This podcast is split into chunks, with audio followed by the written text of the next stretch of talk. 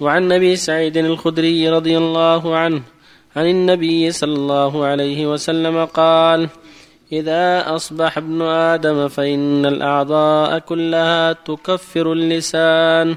تقول اتق الله فينا فإنما نحن بك. فإن استقمت استقمنا وإن عوجست عوججنا رواه الترمذي. وعن معاذ رضي الله عنه قال قلت يا رسول الله اخبرني بعمل يدخلني الجنة ويباعدني من النار. قال لقد سألت عن عظيم وإنه ليسير على من يسره الله تعالى عليه. تعبد الله لا تشرك به شيئا وتقيم الصلاة وتؤتي الزكاة. وتصوم رمضان وتحج البيت. ثم قال ألا أدلك على أبواب الخير؟ الصوم جنة والصدقة تطفئ الخطية كما يطفئ الماء النار وصلاة الرجل من جوف الليل. ثم تلا تتجافى جنوبهم عن المضاجع يدعون ربهم خوفا وطمعا ومما رزقناهم ينفقون. ثم قال ألا أخبرك برأس الأمر وعموده وذروة سنامه قلت بلى يا رسول الله. قال رأس الأمر الإسلام وعموده الصلاة وذروة سنامه الجهاد. ثم قال ألا أخبرك بملاك ذلك كله؟ قلت بلى يا رسول الله. فأخذ بلسانه قال كف عليك هذا. قلت يا رسول الله وإنا لمؤاخذون بما نتكلم به. فقال ثكلتك أمك وهل يكب الناس في النار على وجوههم إلا حصائد ألسنتهم؟ رواه الترمذي وقال حديث حسن صحيح. وعن أبي هريرة رضي الله عنه أن رسول الله صلى الله عليه وسلم قال أتدرون ما الغيبة؟ قالوا والله ورسوله أعلم. قال ذكرك أخاك بما يكره. قيل أفرأيت إن كان في أخي ما أقول؟ قال إن كان فيه ما تقول فقد اغتبته وإن لم يكن فيه ما تقول فقد بهته. رواه مسلم. وبالله التوفيق. بسم الله الرحمن الرحيم. الحمد لله. صلى الله وسلم على رسول الله وعلى آله وأصحابه ومن اهتدى بهذا. أما بعد هذه الأحاديث الثلاثة تبين خطر اللسان ووجوب التحرز منه مع ما فيها من الفوائد الأخرى. فاللسان خطره عظيم وآفاته كثيرة من الغيبة والنميمة والسب والشتم وغير ذلك من الآفات الكثيرة التي تقع من اللسان. فالواجب التحرز منه وإمساكه إلا في الخير. كما قال عليه الصلاة والسلام في الحديث الصحيح من كان يؤمن بالله واليوم الآخر فليقول خيرا أو ليصمت. هكذا يكون المؤمن. إما خير يتكلم به وإما يمسك حتى لا يقع في ورطات اللسان. من كان يؤمن بالله واليوم الآخر فليقول خيرا أو ليصمت. والله يقول سبحانه ما يلفظ من قول إلا لديه رقيب عتيد. ويقول سبحانه ولا تقف ما ليس لك به علم إن السمع والبصر والفؤاد كل أولئك كان عنه مسؤولا.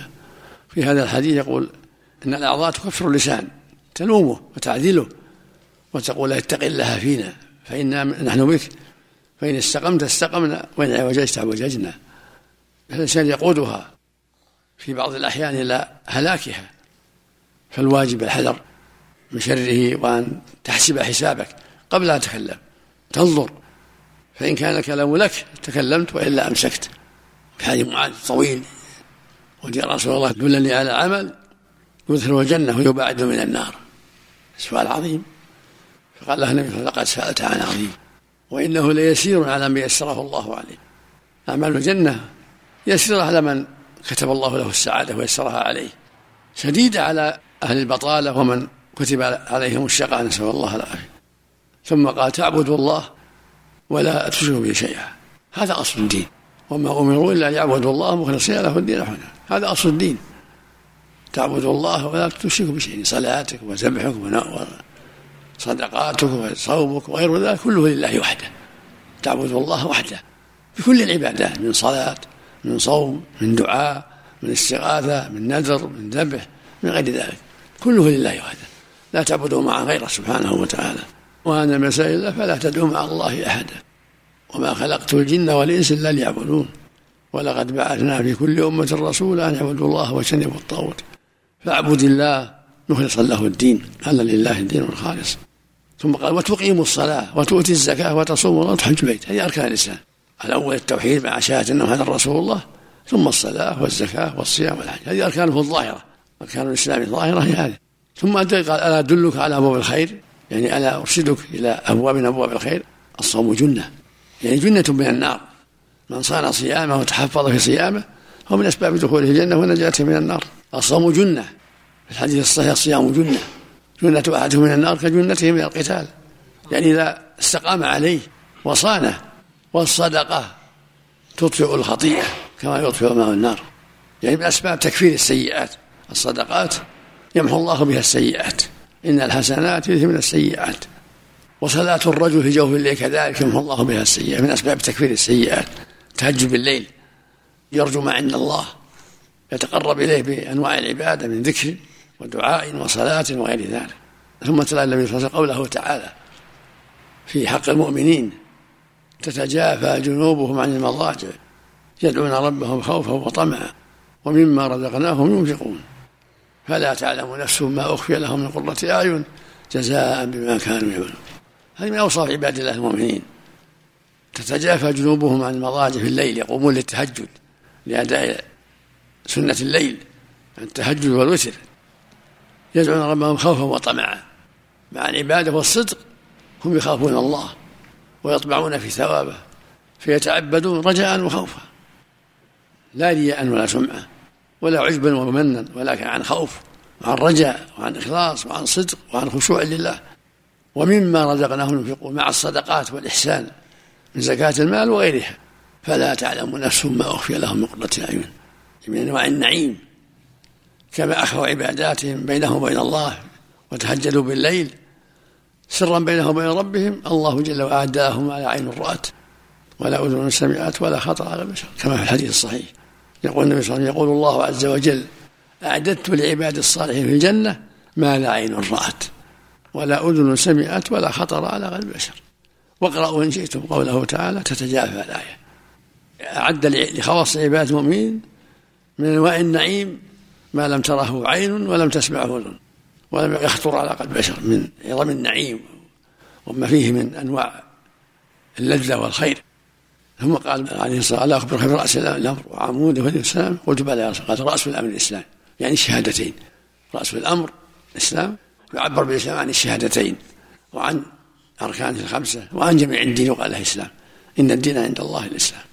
وتسمى الشهادتان تسمى الإسلام لأنها أصل الإسلام وأساسه وعموده الصلاة يعني أعظم العمود بعد الشهادتين الصلاة وإلا الزكاة من عموده.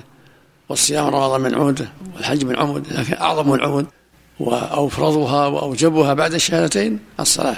وذروة سنامه الجهاد في سبيل الله أعلاه الجهاد لأن به يرفع الإسلام وبه يكثر أهله وبه ينصر أهله. ثم قال صلى الله عليه وسلم ألا أخبرك بملاك ذلك كله بما يملك عليك هذا الخير ويحفظه عليك. قلت بلى رسول الله. قال كف عليك هذا. وأشار إلى لسانه.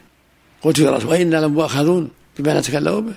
فقال صلى الله عليه وسلم ثكلتك أمك يا معاذ. كلمة يقولها العرب.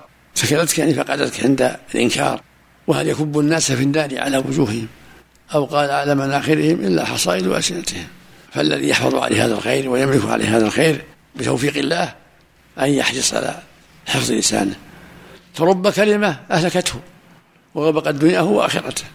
وهلك بها جميع ما عمل وبطل بها جميع ما عمل. كما في الحديث الصحيح وصلى إن العبد لا يتكلم بكلمة من سخط الله ما يلقي لها بالا يزل بها في النار أبعد ما بين المشرق والمغرب. في اللفظ الآخر يكتب الله له بها سخطه إلى يوم يلقاه. فالواجب الحذر من زلات اللسان وأخطاره. ويقول صلى الله عليه وسلم أتدرون ما الغيبة يسأل الصحابة. قالوا الله ورسوله قال ذكرك أخاك بما يكره. بخيل جبان يطوع عاق غير ذلك.